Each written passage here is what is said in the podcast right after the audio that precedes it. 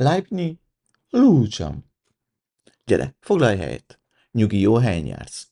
Lefoglaltam neked azt a széket, amit eddig is használtál minden epizód alatt. Nyugi, ne félj, hisz csak én vagyok az, és még nem ment el az eszem, csak éppenséggel lettül köszöntem. Sziasztok! Levente vagyok, és ez az én történetem Almával. Az előző epizódban megtudtuk, hogy mi a kettes számú fázis a toxikus párkapcsolatokban, az volt az úgynevezett leértékelés. A mai epizódban pedig folytatjuk a párkapcsolataik dinamikáját, és a következő fázis, hát nyilván ez nem egy hollywoodi romantikus film, úgyhogy leértékelés, leértékelés után ez sem lehet egy jóféle történet. Maradjunk annyiban, hogy folytatódik a horror story, és jön az eldobás. De mielőtt belekezdünk a mai epizódba, szeretnék kérni tőled valamit. Mivel hallgatod az epizódokat, már szerintem tudod, hogy mi következik. És valószínűleg már ott van a kezedben is. De ha nincs, az sem baj, hiszen még mindig van időd, hogy fogj egy csésze kávét, teát vagy forró csokit, vagy az én szerintem mindenki által megérdemelt szép nagy pohár bort, foglalj helyet, helyezd magad kényelembe, és elkészültél, kezdjük a mai utazásunkat a nem éppen mesebeli Narcilandiába.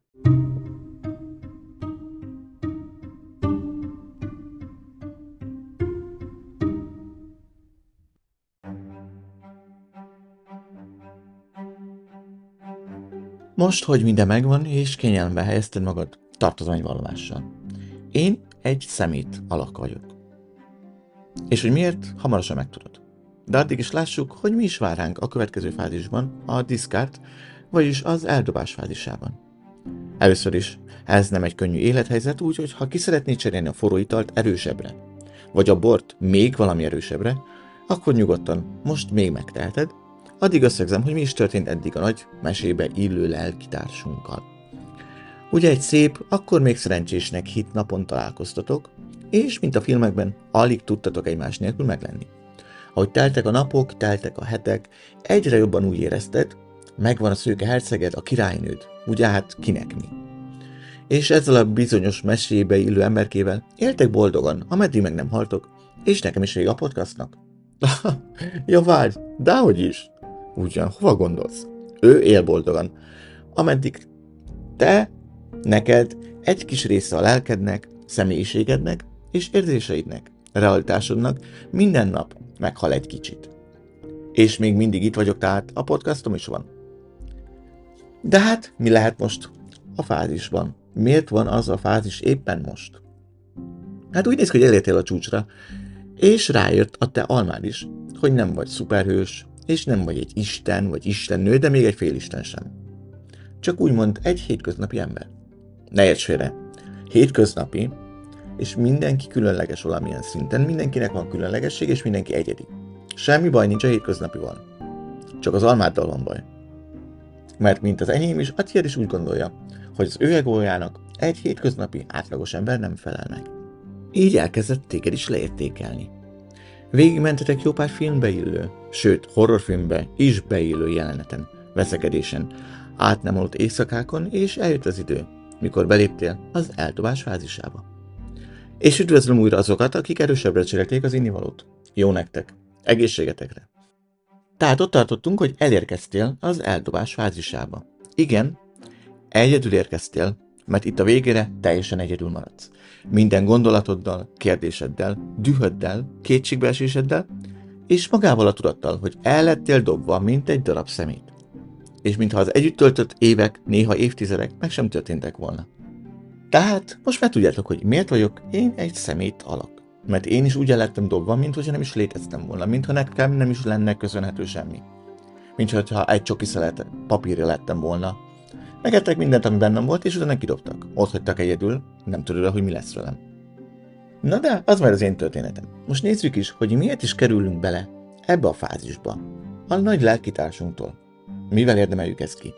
Hát ugye a legfőbb ok közvetlenül kapcsolódik az ő személyiségi zavarukhoz, és azoknak a gyakori kórus vonásaikhoz.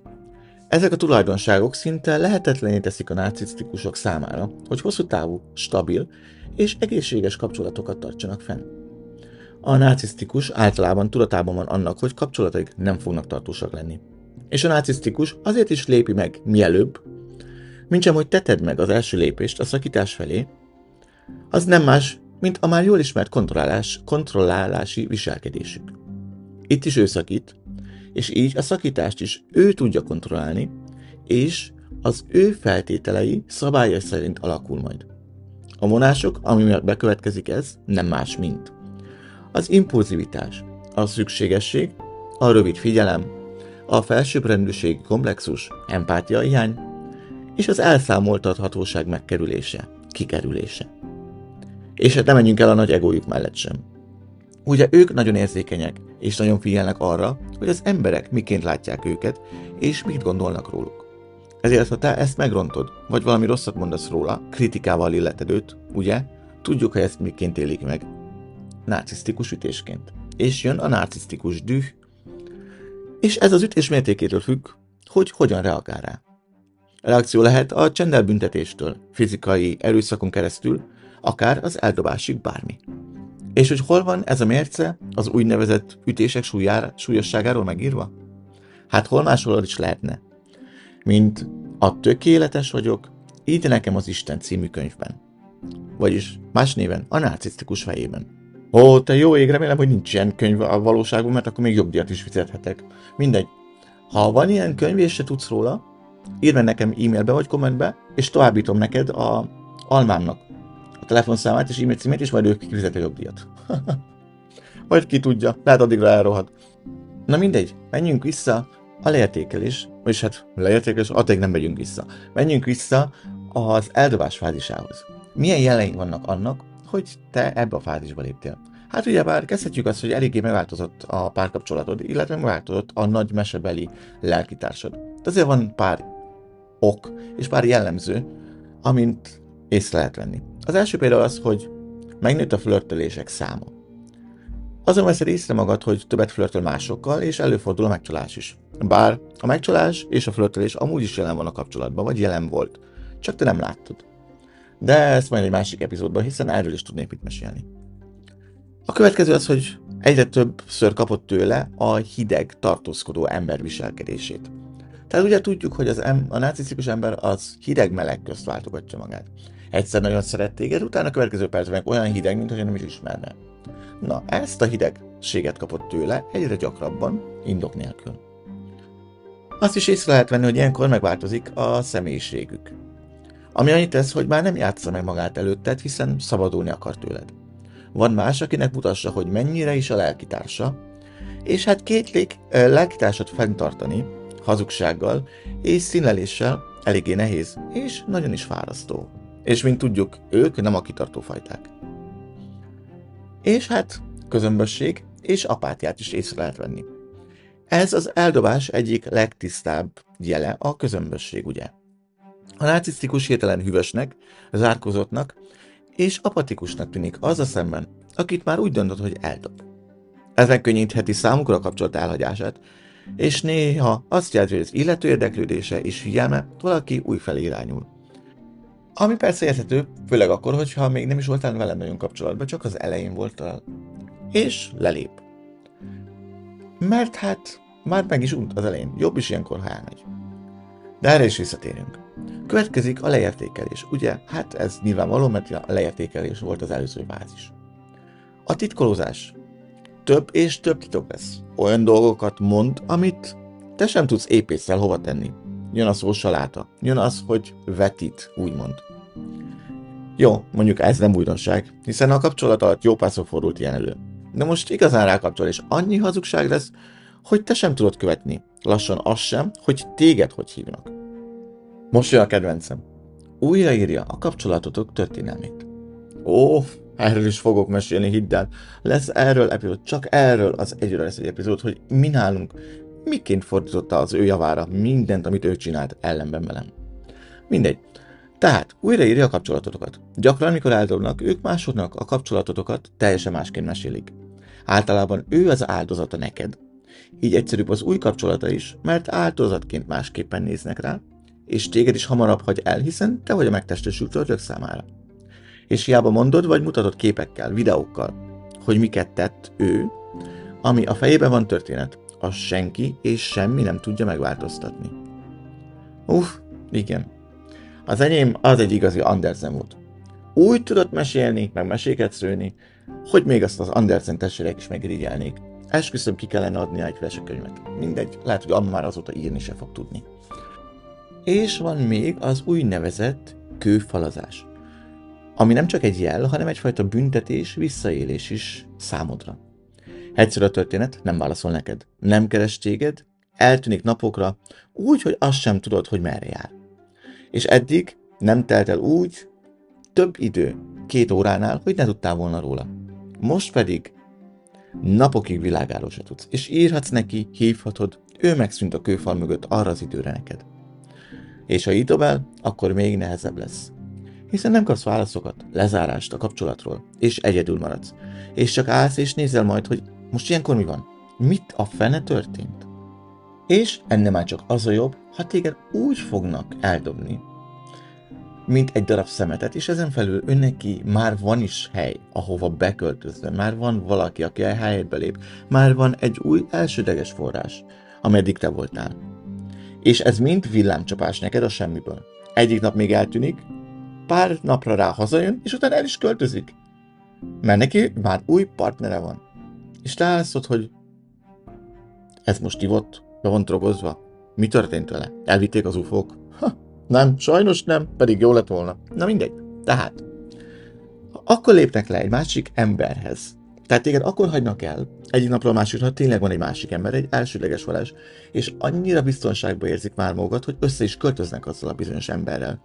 Mert ugye, mint tudjuk nekik, mi vagyunk az oxigén. Vagyis hát az az oxigén, hogy belőlünk nyerjék ezeket az impulzivitásokat, impulzusokat, és hogy tápláljuk őket az imádattal, és minden mással. És hát, hogyha ő téged elhagy, és nincs hova mennie, akkor táplálék nélkül marad, oxigén nélkül marad. Ezért fontos az, hogy te lépj le elsőnek, és hagyd őt, és nyerj időt, mert hidd szükséged lesz rá. Na mindegy. Tehát ő mondjuk úgy, hogy belépett, eldobott téged, és már egy másik embernél lakik. És tudod, mi maradt neked? Csak az érzés. Mégpedig az, hogy az évek, évtizek után úgy mászik át másnak az ágyába, mintha te sosem léteztél volna. Nem történt semmi, és nem is ismertétek egymást. Csak az a baj, hogy benned ott van az az érzés, hogy a lelkitársad, akire egész életedben vártál, már nem is létezik. Egy jó hosszú álom volt csak? De hát, ott vannak a képek, akkor, meg, akkor megtörtént, nem? Igen. Hát igenis, megtörtént, meg nem is történt meg. Megtörtént minden, amit látsz, csak neked többet jelentett. Sokkal többet. Mint neki. Neki csak egy feladat voltál, és úgy kellett játszania, hogy meg tudjon tartani téged, ameddig értekében állt. Ameddig meg nem kapja azt, amit látott benned az elején. Azt a lehetőséget, amivel ő még jobb lett, te miattad. Lehet ez pénz, új munka, előléptetés. Vagy, ahogy az az én esetemben is történt, egy állandó tartózkodási és letelepedési engedély Észak-Amerikában. Igen, nálunk ez így történt, és ennél nem is lehetett volna világosabb. Megvolt az interjúnk, és az interjú alatt meghallott, megkaptuk azt, hogy sikerült, maradt, megkaptuk mind a ketten, ő is megkapta, és hirtelen őnek el kellett menni. És utána láttam három napig.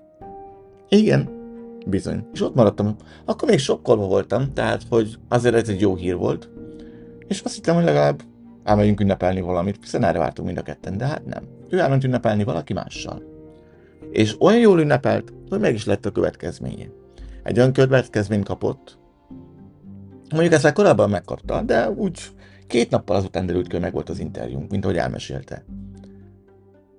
Olyan büntetést kapott, és olyan élménybe volt része, hogy élete végéig ez végig fogja kísérni. De hát, ő kereste, ennek most már megvan a foganatja, és nem tudunk ellene mit tenni. Én nem is akarok.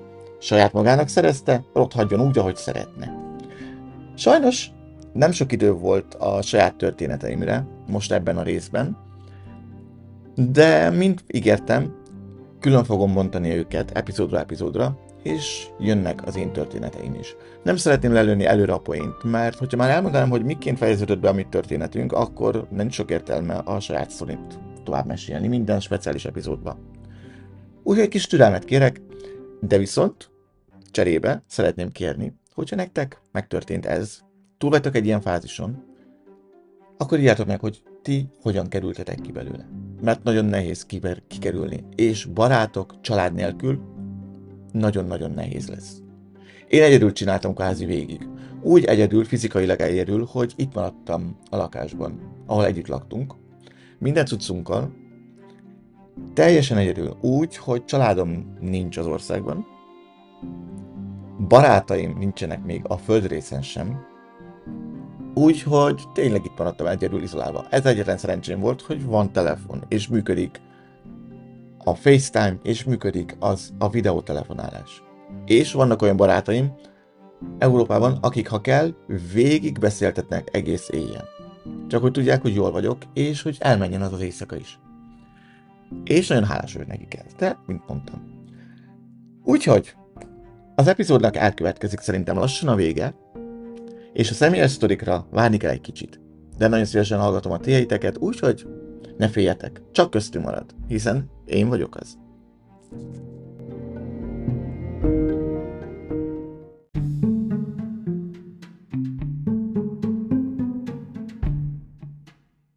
Elérkezett ennek az epizódnak is a vége. Köszönöm, hogy rám szántad ezt a kis időt a mai napodból, és remélem, hogy nem bántad meg.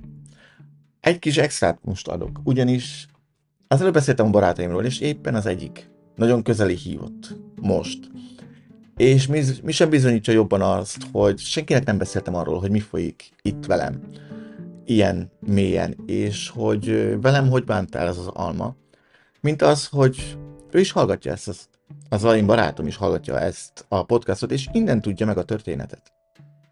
És egy olyan barátról beszélünk, aki 14 éve az életem része 14 éve barátok vagyunk. És még ők se tudtak, tehát igaz, amit mondtam a trailerbe és a legelején, hogy mindenki innen tud meg mindent. Azért is fontos nekem ez, hogy átadjak magamból mindent, mert így tanul a legjobban az ember. Ha már én nem tudtam senkitől tanulni, tanuljon mindenki más. Na, de nézzük azt, hogy miről volt szó mai napon. Ugye megtudtuk azt, hogy a következő fázis az eldobás fázisa, és kicsit megbeszéltük azt, hogy mire számíthatsz, mik az okai, és mik a jellemző, jellemzői. Következő részben van még egy fázis, úgyhogy azt fogjuk végigbeszélni. Tehát az, hogy eldobtak téged, még nem az utolsó fázis a párkapcsolatban. Ha tetszett, vagy hasznosnak találtad ezt az epizódot, nyugodtan lájkold, és ha szeretnéd megosztani velünk a te eldobási történetedet, nyugodtan írd meg kommentbe, vagy küld el nekem az e-mail címemre, ami almaanarci.yahoo.com A következő epizódig kérlek vigyázz magadra. Sziasztok! Levente voltam, és ez volt egy kis szelete az életemnek almával. Így a Amla.